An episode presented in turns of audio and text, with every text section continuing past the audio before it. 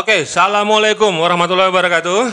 Waalaikumsalam. Ya, Eh, hari ini saya cukup senang, senang sekali malah karena sebenarnya beliau ini adalah kandidat tamu saya yang pertama. Tapi baru ada kesempatan sekarang, jadi saya sangat bersyukur ya. Tadi saya hubungi beliau dan dia bilang, oke, kita- malam kita gas ya sudah ya. Eh, saya saya yakin siapa pun yang nonton ini atau dengar podcast ini pasti tahu lah, ya kan. Eh, suaranya saja itu kan sudah seksi-seksi begitu Wih. ya.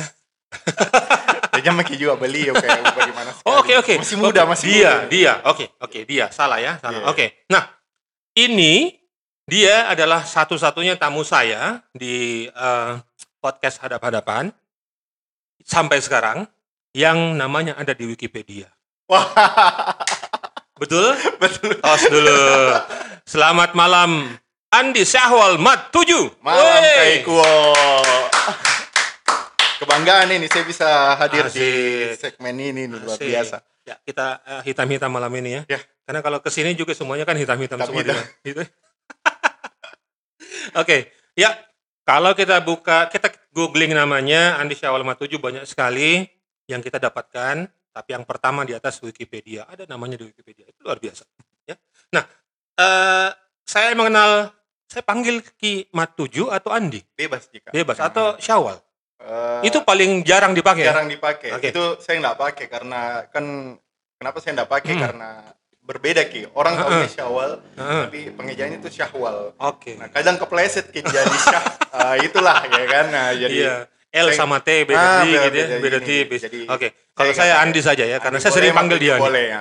Karena itu nama akta memang. Jadi Matuju itu bukan nama dibuat-buat, nama akta kelahiran. Oke, ya. Andi, Ya. eh, pengusaha. Ya, saya tahu dari dulu dia punya satu eh, usaha pasotin sorting. Ya, tukang ya, foto lah. Tukang foto, ya masih ada di Twitter, ya. Tujuh, terus filantropi. Apa itu filantropi? Saya nggak tahu siapa yang kasih nama itu. Iya, Wikipedia ini yang bilang filantropi. Saya nggak tahu itu. Hah. Jadi ya saya nggak tahu ya mungkin karena aktif di Wikipedia dan Oke. ah, apa sorry aktif di TDA sorry.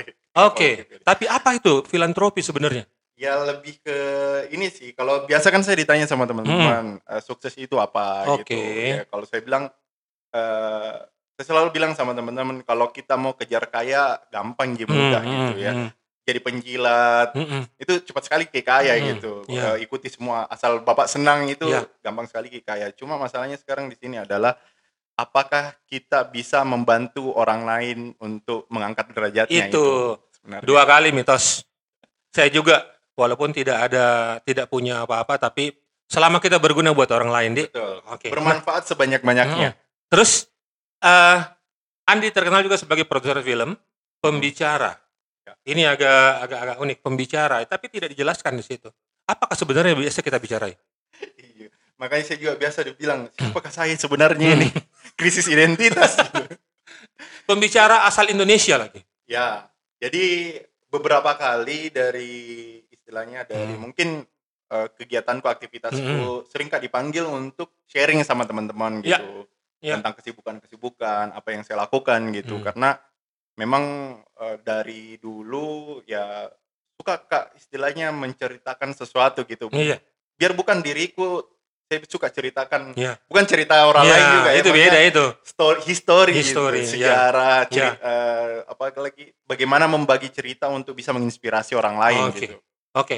Terus eh, di di Wikipedia sering disapa dengan nama Andi Matuju. Oke, kita close dulu tentang Wikipedia dan apa pun yang dibicarakan tentang Andi Matuju. Nah, saya sebenarnya kenal dia sudah cukup cukup lama ya sudah mungkin Lama. 5 6 7 tahun yang lalu ya. ya Hmm. iya kak Hmm. lama sekali mi dan Lama sekali, mulai Mi. dekat itu waktu ada award yang dibuat Iya nah ya. di situ mulai Inspiring dekat- people ya. inspiring people Itu tahun berapa? 2014. ya Iya. 2014 Iya, Inspiring salah. people.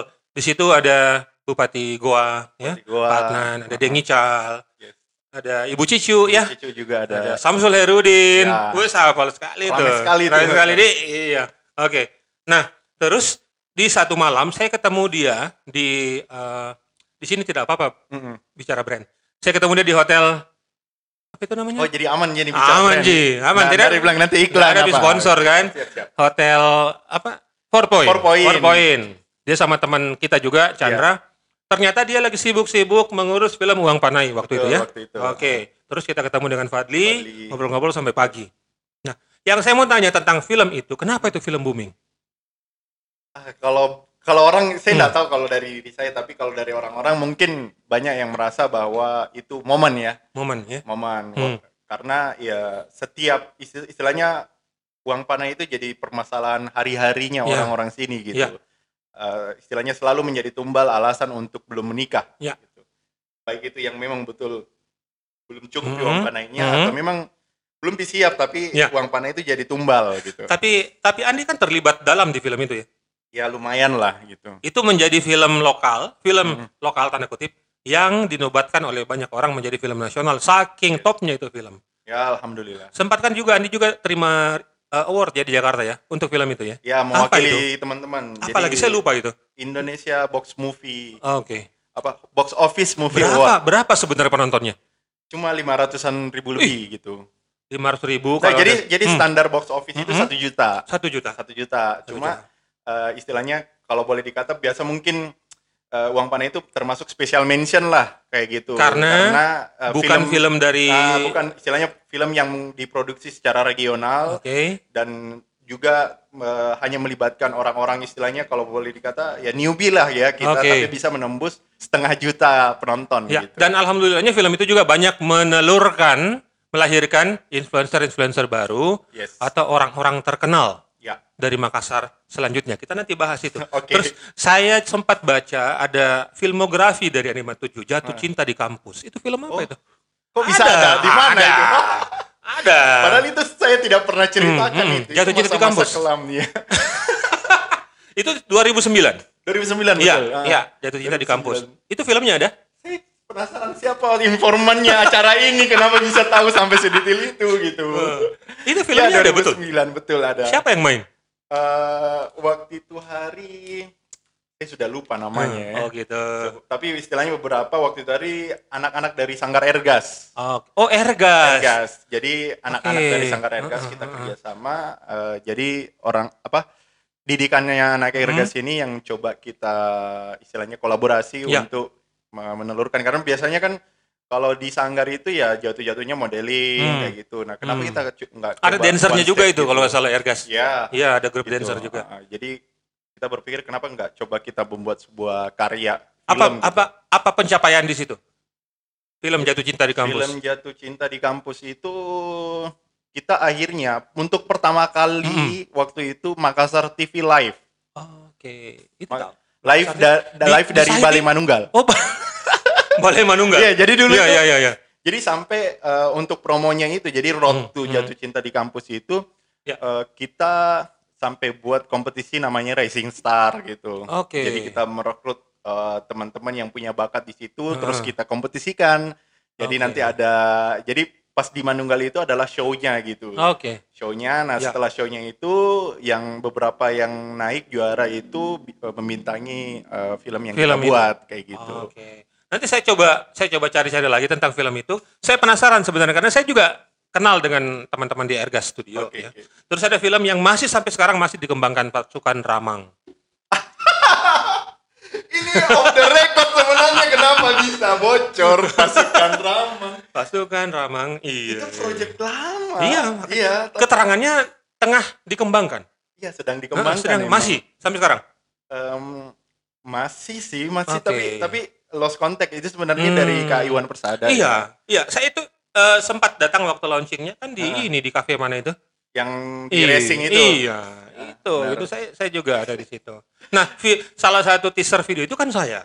Ya, Iya. ah, jadi itu project idealis sebenarnya. Iya. Project idealis. Tapi ini ini kalau ini mudah-mudahan ini jadi karena ini membanggakan buat saya juga membanggakan. Pada saat diajak sama Iwan juga saya bilang "Eh, ikut kak deh biar main bukan enggak, enggak tidak tidak bisa apa-apa tapi Iya. apa yang saya bisa saya akan eh, berikan. Nah, ketiga yang tadi kita bicarakan uang panai.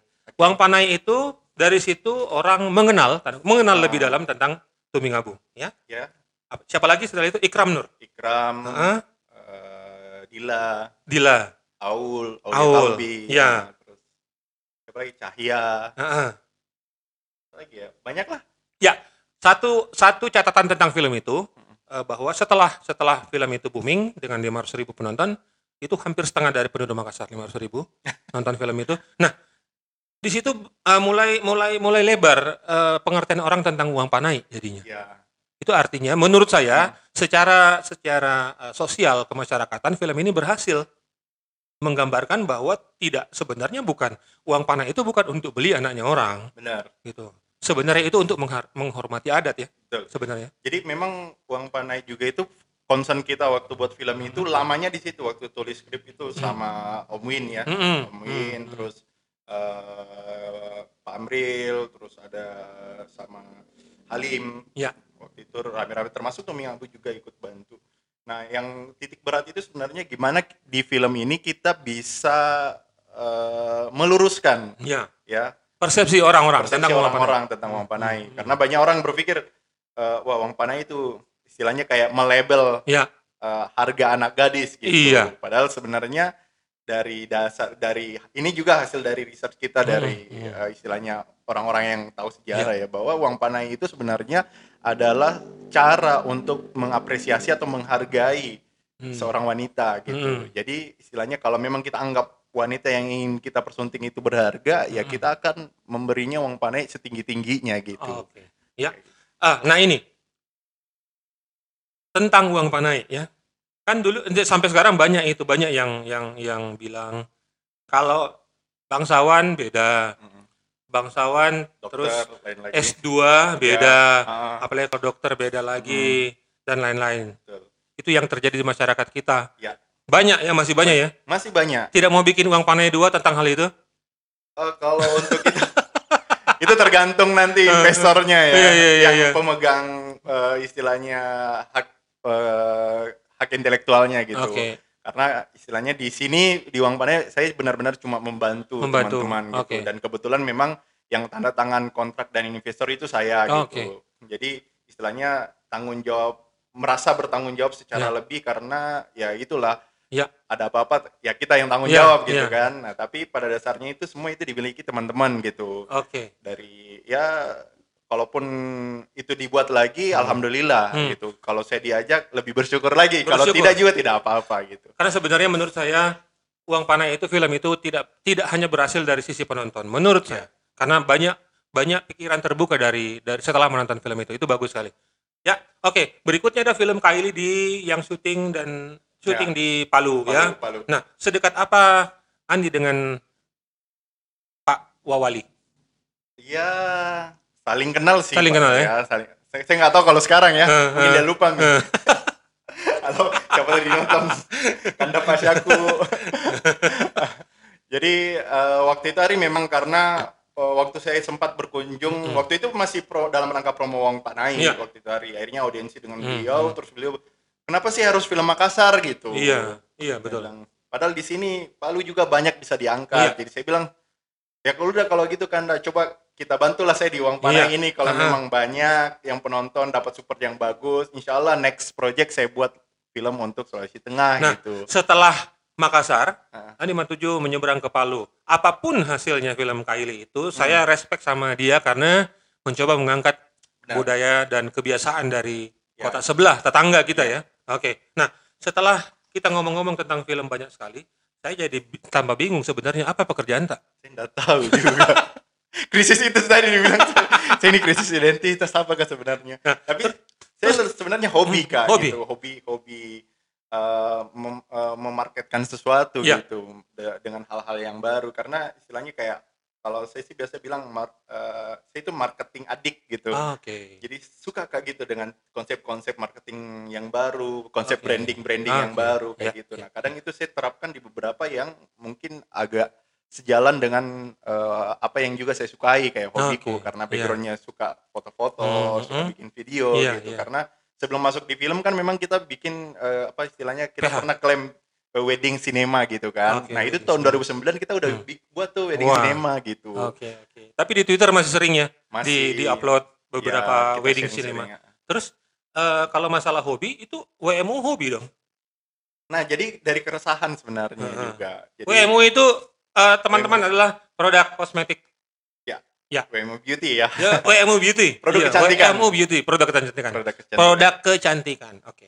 Jadi kalau Hmm. kayak misalnya kita foto itu kadang kan waktu itu atau syuting ya, Hmm, kadang hmm. kita kurang srek dengan bibir karena bibir Hmm, itu hmm, betul-betul masalah sama kulit wajah. Oke.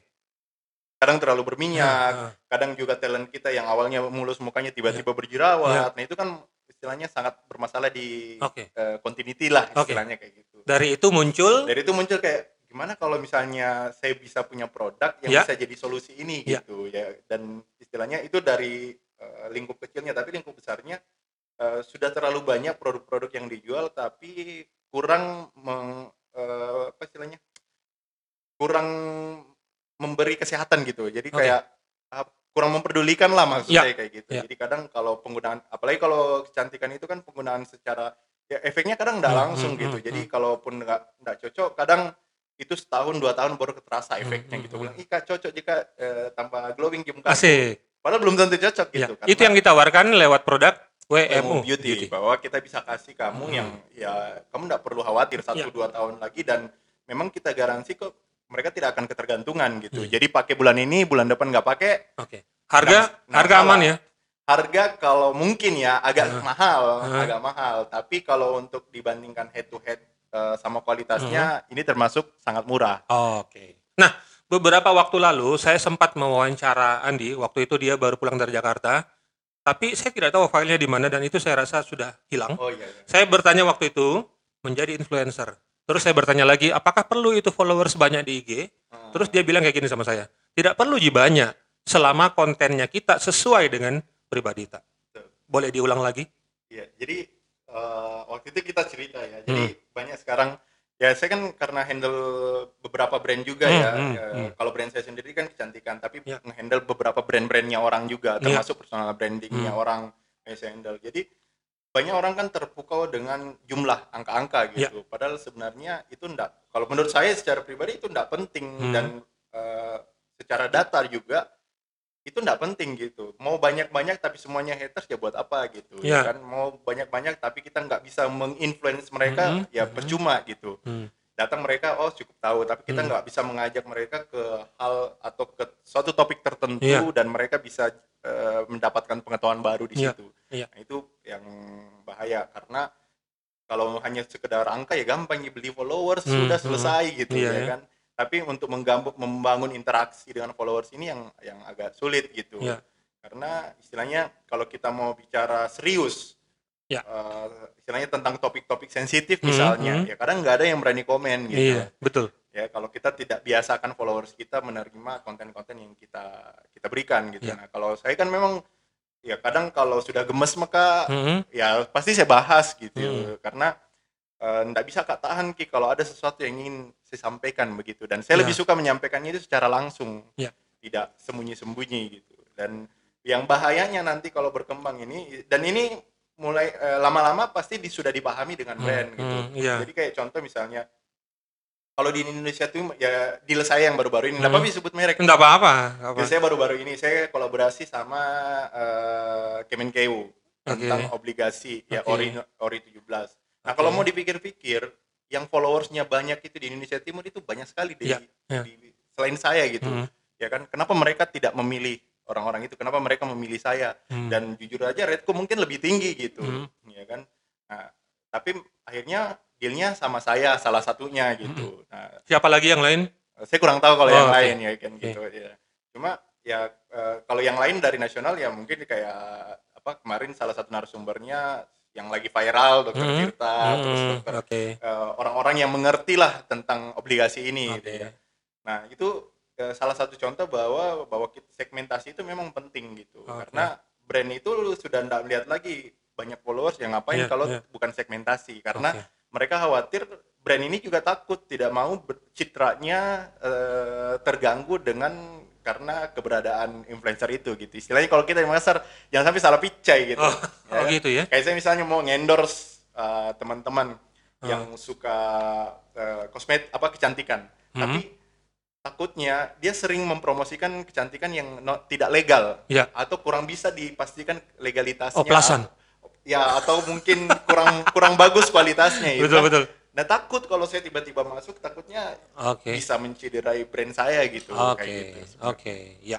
Jadi dengan kata lain, eh, followers tidak masalah. Followers cuma Ya angka. masalah. Jadi Sama dengan umur ya. Sama dengan umur. umur Itu cuma angka. masalah. Angka cuma angka. Yang penting sih angka. Yang penting penting. adalah impact-nya gitu. Impact, ya. Karena kan percuma followers banyak tapi ndak ndak berani ngomong kalau ada isu-isu tertentu gitu. Oke. Padahal followers itu kan menurut saya tanggung jawab gitu. Iya, betul. Ya kan, bukan karena kita dibayar terus kita asal enak gitu. Iya. Diba- eh, karena dibayar disuruh review, Hmm. ya makanya saya bilang saya nggak bisa kayak endorse kayak begitu, saya lebih bisa kalau review gitu. Oke. Karena saya misalnya nih makanan kan ya, Hmm, makanan saya bilang Nah ini terlalu manis buat saya gitu. Saya akan bilang gitu, saya nggak bilang ini enak banget Oh, kayak iya, gitu, gitu iya, kan. iya. Saya- Lebih lebih fair lebih fair ya. gitu. Jadi ya siapa karena follower saya belum tentu satu selera dengan saya gitu. Tapi kalau saya bilang kalau kamu suka yang manis-manis, ini Hmm. mungkin cocok buat kamu. Tapi bagi saya ini terlalu manis gitu. Oke. Kayak gitu contohnya gitu. Oke, oke. Nah, jadi uh, followers tidak masalah, yang penting bagaimana impact-nya terhadap uh, followersnya. Followers. Bagaimana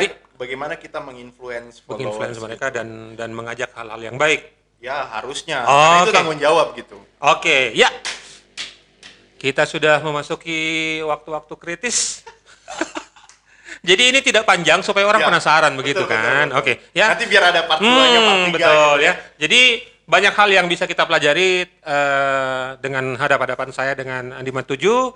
Yang jelas eh, saya senang sekali malam ini karena salah satu orang yang sebenarnya saya mau todong karena kita harus berbicara tentang bagaimana menjadi influence terhadap orang lain. Bagaimana menjadi orang lain berbuat. enggak sih. Eh, eh, Kalau kalau kalau saya, kalau saya bilang saya bukan influencer kak. Oke. Saya bu- Nah itu tadi saya mau tanya, apa sebenarnya kamu influencer atau apa? bukan bukan. Saya cuma istilahnya sering berbagi. Oke. Ya berbagi cerita, berbagi pengalaman saya itu cuma cuma itu gitu. Ya. Saya senang gitu karena eh, saya tidak mau misalnya saya melakukan kesalahan, saya Ya. tidak mau orang itu melakukan kesalahan yang sama Oke, gitu. Oke, oke. Jadi eh, Kalau jangan sampai kesalahan bukan kesalahan yang di- telah kita lakukan menjadi eh, di di copy di copy sama orang Nah, lain. kalau kita share kan dia bilang ada yang baca, oh iya Kandi katanya lewat jalan ini ada Iya. lobang gitu, jadi Iya. mereka bisa hati-hati Oke, gitu. oke. Jadi pas ya. Eh, mudah-mudahan kita bertemu lagi dengan kesempatan. Satu pesan saya kepada Andi Matuju, kalau nanti posting foto jangan di crop yang pakai jilbab. Oke, assalamualaikum warahmatullahi wabarakatuh.